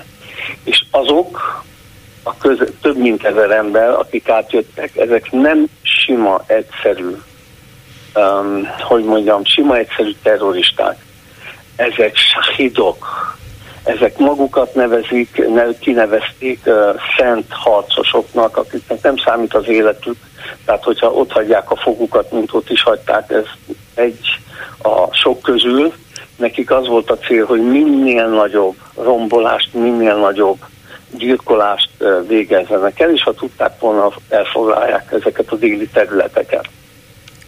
Hogyan, hát, hogyan képzeli igen? az izraeli társadalom többsége, vagy a józanul gondolkodók többsége, főleg ilyen igazán érzelmileg felfogozott körülmények között a tartós megoldást, hogy... Nincs, nincs. Biztos, nincs? hogy nem lesz. Biztos, hogy nem lesz. Ez így fog menni még évtizedeken ez, keresztül? Ez, ez biztos, hogy nem lesz, mert eh, menjünk egy picivel vissza Arafat idejében, tehát aki megalapította az OLP-t, és az regnálása alatt közel 80 milliárd dollárt koldult tarhált össze, nevezük aminek. Amit ugye, hogy csináltak egy, egy 20 évvel ezelőtt egy szimulációt, hogyha ennek egy töredékét a palesztin területekre fordította volna, infrastruktúrára, kórházra, iskolákra, munkahelyekre, akkor egy élhető terület lenne ma a gázai rész és a ramallai rész. Ehelyett természetesen ellopták a legnagyobb részét, a ma regnáló politikusok és a különböző terrorvezetők ugye abból tőle váltak le, de mind multimilliómos dollárban meg euróban. Ezeknek ez, ez üzlet. Soha nem fogják abba hagyni. És hiába a szegény egyszerű ember, az egyszerű palesztin, annak az szeretne élni, szeretne dolgozni, normálisan nevelni a gyerekeit. Tehát itt nem lehet egy kalap alá venni ő az egész palesztin népet. Nem hagyják. Egyszerűen nem hagyják, terrorizálják őket. Amikor lehet olvasni a nyugati sajtóban, hogy kivégeztek uh, uh, embereket, kvázi, hogy kollaboráltak Izrael ez nem igaz. Ezek mind a belső ellen, ellenzék volt, akik nem voltak erősek, és ugye elkapták, és a Hamas nem lehet kritizálni, tehát ott elő nem fordulhat az, hogy belső ellenzék kialakuljon. Olyan nincs. Ők azt hirdetik, hogy minket megválasztottak tizenvalahány éve, és egységesen, és mi a, egységesen képviseljük a kvázi a palesztin népet. Hát ez egy nagy hazugság. Sajnos. Hát nem, nem derített föl. Nem, és ez még csak a jéghegy csúcsa, és hála az égnek, hogy önök nem látják, amit mi itt látunk, mert most kerülnek elő különböző security kameráknak a felvételei, meg telefonokkal készített egyéb. Arról nem beszélek, amit a hamaszosok maguk nyomnak föl, hogy így, így csináljanak propagandát. Szörnyű, elmondhatatlan 2023-ban. Tehát tökéletesen átérezzük azt, sokan, és erről szó is van, amikor egymás között beszélünk, hogy a szerencsétlen ukránok másfél éve mit szenvednek. Ahhoz képest a mi öt napunk az még kutyafüle. Ők milliószorosan jobban ö, megszenvedték azt, amiben vannak. Nálunk meg sajnos, ha nem lesz szerencsénk, akkor most kezdődik. És ez, amit látunk, ez csak a jéghez csúcsa, mert ezek nem fogják abba hagyni. Nem fogják, Putyinnak is jól jött a dolog, azt nem kell mondani, mert erről azt hiszem önök is beszéltek, hogy elterhet a, a figyelmet Ukrajnáról, már pedig Ukrajnát a nemzetközi szolidaritás az, ami elsősorban segíti. Itt nálunk is van olyan, nem kell mondjam, hogy a Netanyahu-nak ez ez jó, idézőjelben jól jött, mert senki nem beszél a bűnvádi eljárásairól, a korrupciós pereiről, Tehát vannak olyan emberek, akiknek ez sajnos jól jött ez a konfliktus, ez a nagy tragédia. Nem, de, az, az ember a nagy sóhajtozás közepette nem is tudja, hogy miben bízzon. A józan nézben lehet sajnos a legkevésbé. Nagyon-nagyon, hogy mondják, nagyon bátrak és nagyon, ilyenkor összefog a zsidónet. Ezt, ezt meg kell mondjam, szóval egyébként ketté váltunk a világiak és a nem világiakra, de most aztán tényleg a 99%-uk összefort, és egy irányba megyünk, és a tartalékosok most már több mint 300, illetve 360 ezeret hívtak be, rengetegen jönnek haza külföldről magánúton is, hangsúlyozom magánúton, csak hogy hazaérjenek, és maximálisan beleállnak, és ez elhangzott állami helyről is, hogy nem, nem fogunk megállni az első piros vonalnál. Annak ellenére, hogy Izrael a világ leghumánusabb hadserege, mert minden támadás előtt, és ez ma is igaz, telefonon, megafonokkal, szóró cédulákkal lehető minden módon értesíti a palesztin civil lakosságot a terület elhagyására, ha engedik őket. Eddig nyitva volt Egyiptom felé, most úgy tudom, hogy lezárták, de ott náluk mindenféle kiskapuk vannak, ahol tudnak menekülni a szerencsétlenek.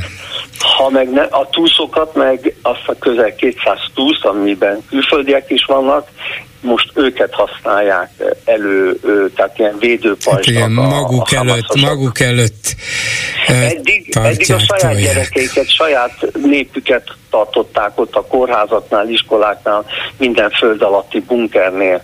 Most ezt a 200 uh, izraelit és külföldét sajnos. Ami, oh, hát arról már nem beszélek, ami, de meg kell említsem, csak azért, mert sok hallgató biztos uh, nincs tisztában, vagy nem hallottam, mert nem hiszem, hogy a magyar média erről számol be, hogy egy komplet kibucot lemészároltak, de úgy, hogy lefejezték a csecsemőket, kifordították a születendő gyereket ezt, az anya ezt, hasából. Ezt megerősítették, mert ezt tudom, hogy egy izraeli meg, újságíró nő meg, volt meg. az, aki erről jelentett először. Nem csak, újra, újra, nem csak az na, no, a újságírónő, hanem van ez a bizonyos vallásos szervezet, ők azok, akik baleseteknél, meg minden tragédiánál ott vannak, ők szedik össze a holtesteket, és uh-huh. sírva beszélt a, az egyik a telefonon. Hát igen, szörnyű, szörnyű tragédiák. Hogy, hogy, hogy ilyet még el se, tudnak, el se tudják mondani, tehát mégis se tudták mondani, nekem is összeszorul a,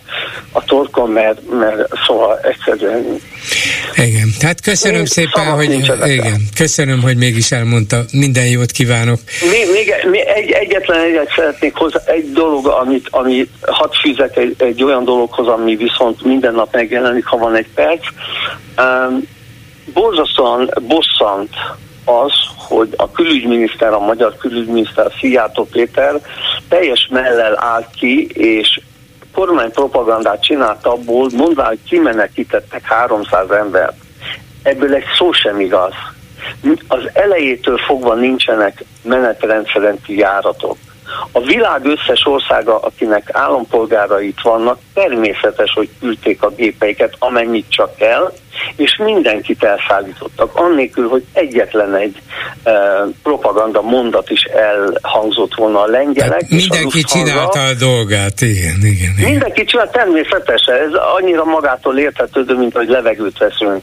Akkor végre, hogy elküldik ezeket a nyomorult milliárdokért vett katonai utasszállítókat, amit most nem luxus utazásokra, meg udizálásra használnak, hanem arra, amire kell, és akkor van képük kiállni és verni a mellüket, hogy kimenekítették, könyörgem, nem lőtték a retteret, nem volt tűz alatt, mint Afganisztánban, nem volt entebei túsz szabadítás. Igen, igen, igen. Tehát nem, nem menekíteni kellett, csak küldeni kellett értük gépet.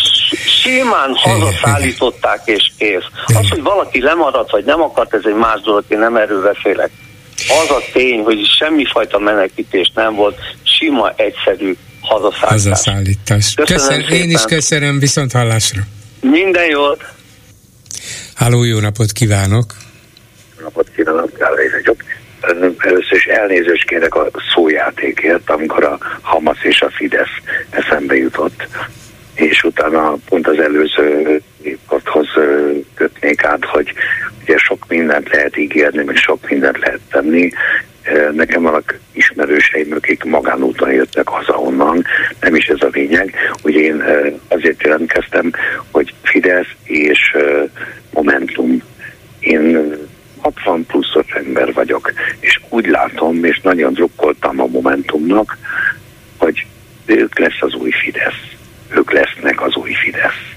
Az attitűdök tekintetében, a viselkedés tekintetében, a szervezkedés tekintetében egyszerűen azt látom, hogy, hogy nincs egy, egy igazi vérbeli, baloldali ifjúsági szervezet, csak vannak ilyen, ilyen logó, arcok, egyebek, akik próbálnak indulni, meg, meg és már pozíciókat kérni, tehát látom és hallom, hogy majd akkor, hogyha mi ezt meg azt megkapjuk, és arra gondoltam, hogy úristen, kell ez nekünk? Hát um, nehéz itt erre mit mondani, mert egyrészt ott, nem, ott kezdtem nem érteni, hogy a Momentum lesz az új Fidesz, és ebben reménykedett, hogy olyanokká válnak, nem, nem, mint a Fidesz? Nem, nem, nem reménykedtem, az attitűd tekintetében úgy látom, hogy igen, mert rögtön pozíciókról, rögtön elfoglalható helyekről beszélnek, lásd mondjuk, mint a Havasi Gábor, nevesítsünk, ugye tanácsnok, igen, fővárosnál eg- egészségügyi tanács. Budafokon polgármesterről lenne, ugyanakkor itt van Budafokon, ott van ez a délbudai kiváló politikával nagyon alaposan foglalkozó, nagyon kedves Tóth Endre nevű fiatalember, aki, aki tényleg az oktatáspolitikával foglalkozik, csak utána nem látom, nem látom a Momentumon belül azt, hogy nem ugyanazt képviselnék, hogy mi a hatalomba akarunk kerülni. Na de hát azt kell nem, hozzá, nem hát látom. kell jelölni polgármestert, mert, mert akkor különben, ha nem jelölnek valakit, akkor nem, kell, nem lesz belőle polgármester. Ha nem lesz polgármester, egyszer akkor a Momentumnak nem lesz szava, vagy kisebb szava lesz. Hát az még nem nyomulás önmagában, hogy jelentkeznek valakik polgármester jelöltnek, vagy, vagy valaki azt mondja, hogy én most nem itt szeretnék tovább dolgozni, nem egészségügyi tanácsnokként, hanem kerületi polgármesterként. Hát a politikában ennyi nyomulás minimálisan kell. Igen, ez egyértelmű, csak amikor a Momentum már tudomásom szerint több helyen pozíciókat kér előre, hogy elinduljon vagy ne induljon el, legyenek előválasztások, azért ez egy nehéz és ezen megemészthető politikai kérdés egy-egy kerületben, vagy egy településen, vagy egy, egy filmegyében. Tehát arra gondolok, hogy, hogy ilyenkor ezek a fiatalok megint csak azt gondolom, hogy nem programmal indulnak el, mert nem olvasok programot, én keresem, keresem a programot, hogy miért ne A, B vagy C legyen, hanem legyen mondjuk Z. És a Momentumnál nem találok programot, ellenben azt látom, hogy politikai pozíciókat szeretnének előre elfoglalni, és majd eldöntjük utána, hogy mi újság.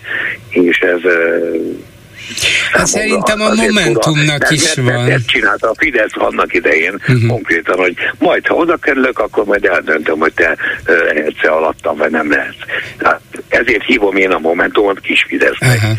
Szerintem a pont. Momentum is összeállított egy programot, éppen az elmúlt hónapokban ezzel el is kezdtek kampányolni, úgyhogy az pedig, hogy hát valamit kérnek, vagy azt mondják, hogy ha ti is akartok valakit, akkor egyezünk meg, hát valami valamilyen módon el kell dönteni, hogy egy négy-öt párti ellenzékből, demokratikus ellenzékből adott esetben ki legyen az, akit támogatnak. Elindulhat mindenki rá, egymás ha ellen. Ha szavazok arra a programra, akkor van attitűd és esély arra, hogy legyen nekik Ez Értem, mondom, mondom, el lehet indulni, elindulhat a Momentum, külön az MSP, a DK, az LMP, a nem tudom ki van még, csak akkor biztos, hogy a Fidesz nyer, vagyis nekik előre meg kell valahogy egyez, egyezniük itt a lényeg, ő mondta ki, itt a lényeg, hogy, hogy nem jutottunk el odáig, hogy, hogy most nem akarok egy össz, ellenzéki összefogást meg egyébeket, de én bárhol találom találkozom koalíciós megbeszélésekkel, egyebekkel, mindenki eleve státuszt, funkciót és szemét akar megjelölni. És tudja, azt gondolom, hogy először el kéne odáig jutni, hogy nem a közvélemény kutatásoknak kellene hinni, meg kell nyerni a választásokat, és nem a közvélemény kutatásokat. Nem tudom, ki mondta a közhely, de azt gondolom, hogy amikor már előre, és látom, hogy előre helyezkednek politikusok, és kompromisszum helyzeteket akarnak kötni, akkor az undorító undorítós, mindegy melyik ellenzéki párt hmm. részéről hozzáteszem, de azt láttam, hogy itt nem megint a, a, a rendszer kvázi rendszerváltás, tehát az Orbánék eltakarítása a cél, hanem először majd én kapjam meg a helyemet, és utána majd aztán megteszem a dolgomat, vagy megteszem, vagy nem, hanem egyszerűen egy ilyen egy politikai posványba kezdünk átmenni, én azt hittem, hogy a Momentum fiataljai nem kvázi ex e, e, Jó, jó, jó, de, de mit csináljon akkor a Momentum, hogy nem jelentkezik be semmilyen pozícióra? Hát én, én e fölött vagyok, én nem akarok ebbe belebonyolódni, tőlem legyen hát DK-s a polgármester. Adjon, prog- adjon uh-huh. programot ugyanúgy is, és egyeztessen a DK-val, egyeztessen bármelyik uh, ellenzéki párttal, legyen kompromisszum kész, és ne, én uh, helyi uh, konfliktusokról tudok beszámolni, van az országban, itt, ott, amott, hogy akkor, ha te nem indulsz, akkor én indulok, mert úgy Isten könyörgöm. Tehát lásd, ez a, ez a kutyapártos ö, színjáték is. Nem. Tehát, hogyha nem fognak össze az ellenzéki pártok, és ráadásul a Momentum, mint fiatal párt nem kap esélyt, és esetleg mondjuk rossz attitűddel megáldott jelöltje van, vagy ö, személyes tulajdonságaival, akkor, akkor keressük már meg azt a konszenzust, és itt lenne a lényeg, hogy, hogy tudjon visszalépni egy kimondom, DK-s, MSZP és bármelyik a másik javára azért, hogy az adott közösségnek jobb lehessen, mert esélyesebb a jelölt, és ne vegyünk el egymástól szavazatot, és ne, ne játsszuk ezt a társasjátékot, mint amit én látok nagyon sok helyen Budapesten is. Egyszerűen elszomorító az, hogy én azt hittem, hogy ez a Momentum egy aranyos, édesdrága csapat lesz, és nem véletlenül mondom az, hogy sajnos nálam kis Fideszé vált, mert, mert önös érdekekkel kezd el alkudozni pozíciókért bizonyos helyeken, és tulajdonképpen ki kell, hogy mondjam, és vállalom a jogi közve, következményeit is, hogy igenis um, leülnek tárgyalni arra, hogy majd akkor, ha, nem, majd akkor, ha ha el akarjuk takarítani az Orbán kormányt, akkor itt nem majd akkor, ha majd utána gyerekek, majd utána, ha sikerült addig meg dolgozni, és door-to-door kampányt csinálni, és házról házra menni. De hát azt, azt tudja csinálni a kampányt, akit kijelölnek rá, hogyha előtte nem egyeznek meg, hogy ez Momentumos lesz-e, vagy MSZP-s, vagy DK-s, akkor akkor ki fogja ezt vezényelni, ki fog menni, ki lesz az, hát ha nem kezdenek most valamiért e, vitatkozni egymással, hogy na tisztázzuk, hogy ki lesz a jelölt, miért ő, akkor, akkor az egész kampány nem fog működni, semmi sem fog működni, nem lesz, nem lesz egyeztetés, és nem lesz egyeztetett kiállás ugyanarról beszélünk, én csak igen, megfordítom igen. a dolgot. Előtte legyen egyeztetés, és előtte legyen közös állásfoglalás, és utána álljon be mindenki, és mondja azt, hogy igen, megállapodtunk abban, és mi, mit tudom, egy X-párti megegyezés alapján itt indítjuk át, B-t, Z-t, C-t, tök mindegy. Értem, az szóval ne álljon ki a 12. kerületben a Momentum, hogy ő lesz a mi polgármester jelöltünk, mert azzal mint egy elébe vág ennek a, ennek a megállapodásnak. Na, innentől kezdve vannak a problémáink. Aha, értem, Tehát amikor értem, most akkor értem. az jelenlegi meg, meglévő információk alapján a képviselő jelöltek fölmérik a súlyukat, és azt mondják, hogy oké, okay, akkor válvetve harcoljunk együtt, és benyeljük a békát, legfeljebb kapunk majd mit egy bizottsági elnöki akármi tisztséget. A választókerületben kiárni, oda menni, információk alapján dolgozni, mert az emberek ezt várják most már igen, egyre igen, jobban. És az nem érdekli az... őket, hogy ki kicsoda lesz. Értem, értem. Köszönöm szépen, viszont hallásra. És itt van Lőrinc Csaba, hogy elmondja, hogy a Facebookon milyen kommenteket kaptunk. Szia Gyuri, köszöntöm a hallgatókat. Rögtön egy téged idéz az egyik kommentelő. Orbán Viktor arcvesztés nélkül összehívhatná. Erre egy gondolat, legfeljebb Putyin szedné le az arcát. Tehát. Érdekes lenne minden esetre, én kipróbálnám Orbán helyében, hogy a budapesti memorandum miatt úgy érzem, hogy tevékenyen részt tudnék venni a béke megteremtésében. Légy lennék azon a falon én is, ahol ez történik. Igen. De van ennél jobb is. Ha a románok jobban teljesítenek, leváltjuk a KSH-t is. Már elkezdődött. Igen. A Fidesznek nincs veszélyérzete, de van veszélyhelyzete, mert utóbbit lehet hatalomra és vagyonra konvertálni. Ajaj. Gonosz vagyok, tudom, illetve a kommentelők is azok. Aztán egy, egy érdekes összefoglaló. 5 az, az, 5 az az 5 millió forintot kapott a Heimpál Országos Gyermekgyógyászati Intézet. 105 millió forint plusz áfa a Kod Média Kft. Tibor István érdekeltsége. Aztán 78 millió 740 ezer forintot kapott Pataki Attila. 30 millió forint... De miből kapták ezeket a pénzeket? A szerencsejáték ZRT. Ja, hogy a szerencsejáték ZRT. Havi hát juttatásai. Nem, nem mindegy. Igen. Aztán még 30 millió forint a backstage management Tóth Gabi koncertjeit szervező vállalkozás. Értem, értem. Mindegy, hogy vagy nem mindegy, hogy a szerencsejátok ZRT-től vagy a hallgatóktól jön például hozzánk 138 millió forint. Amit nagyon szépen köszönünk előre is. Igen, és akkor várjuk a szerencsejáték ZRT hozzájárulását is. Uh, akkor Szerencse eljük... fel, üzenjük innét. Megyünk rulettezni akkor? Nem, hát például miért nem hirdetik a lottót? Hát szerintem a mi hallgatóink is lottóznának, és ha fölhívnák erre a figyelmüket, akkor talán még szívesebben igen, értem az érvelésedet, csak nem tudom a választ ezekre.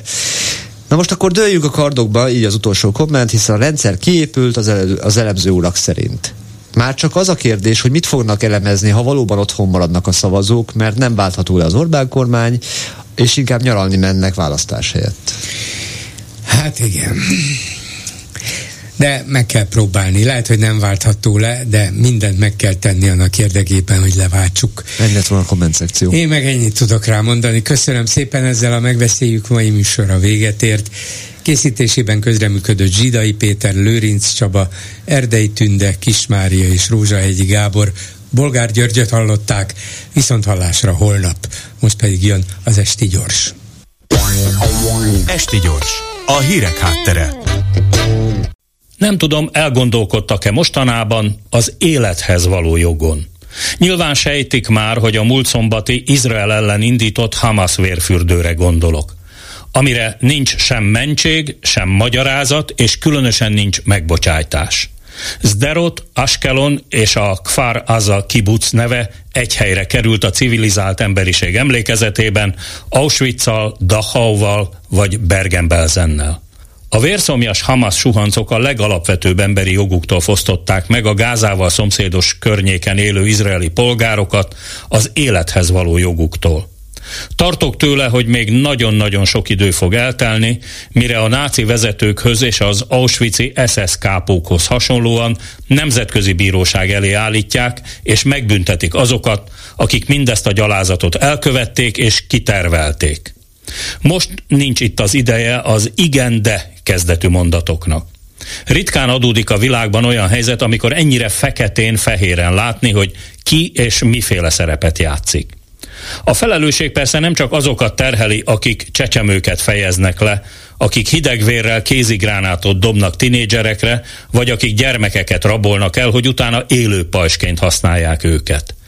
Azokat is súlyos felelősség terheli, akik Gázában fegyverraktárakat telepítenek iskolák alá, akik polgári toronyházak tetején rendeznek be parancsnoki központokat, akik a mecsetekben terrorista toborzó központokat működtetnek akiket cseppet sem érdekel a saját palesztin népük sorsa sem, csak a saját hatalmuk megmentése bármi áron akik nem akarnak és nem is tudnának békét kötni Izraellel, mert a zsidó államot teljes egészében szeretnék eltörölni a földszínéről a lakóival együtt.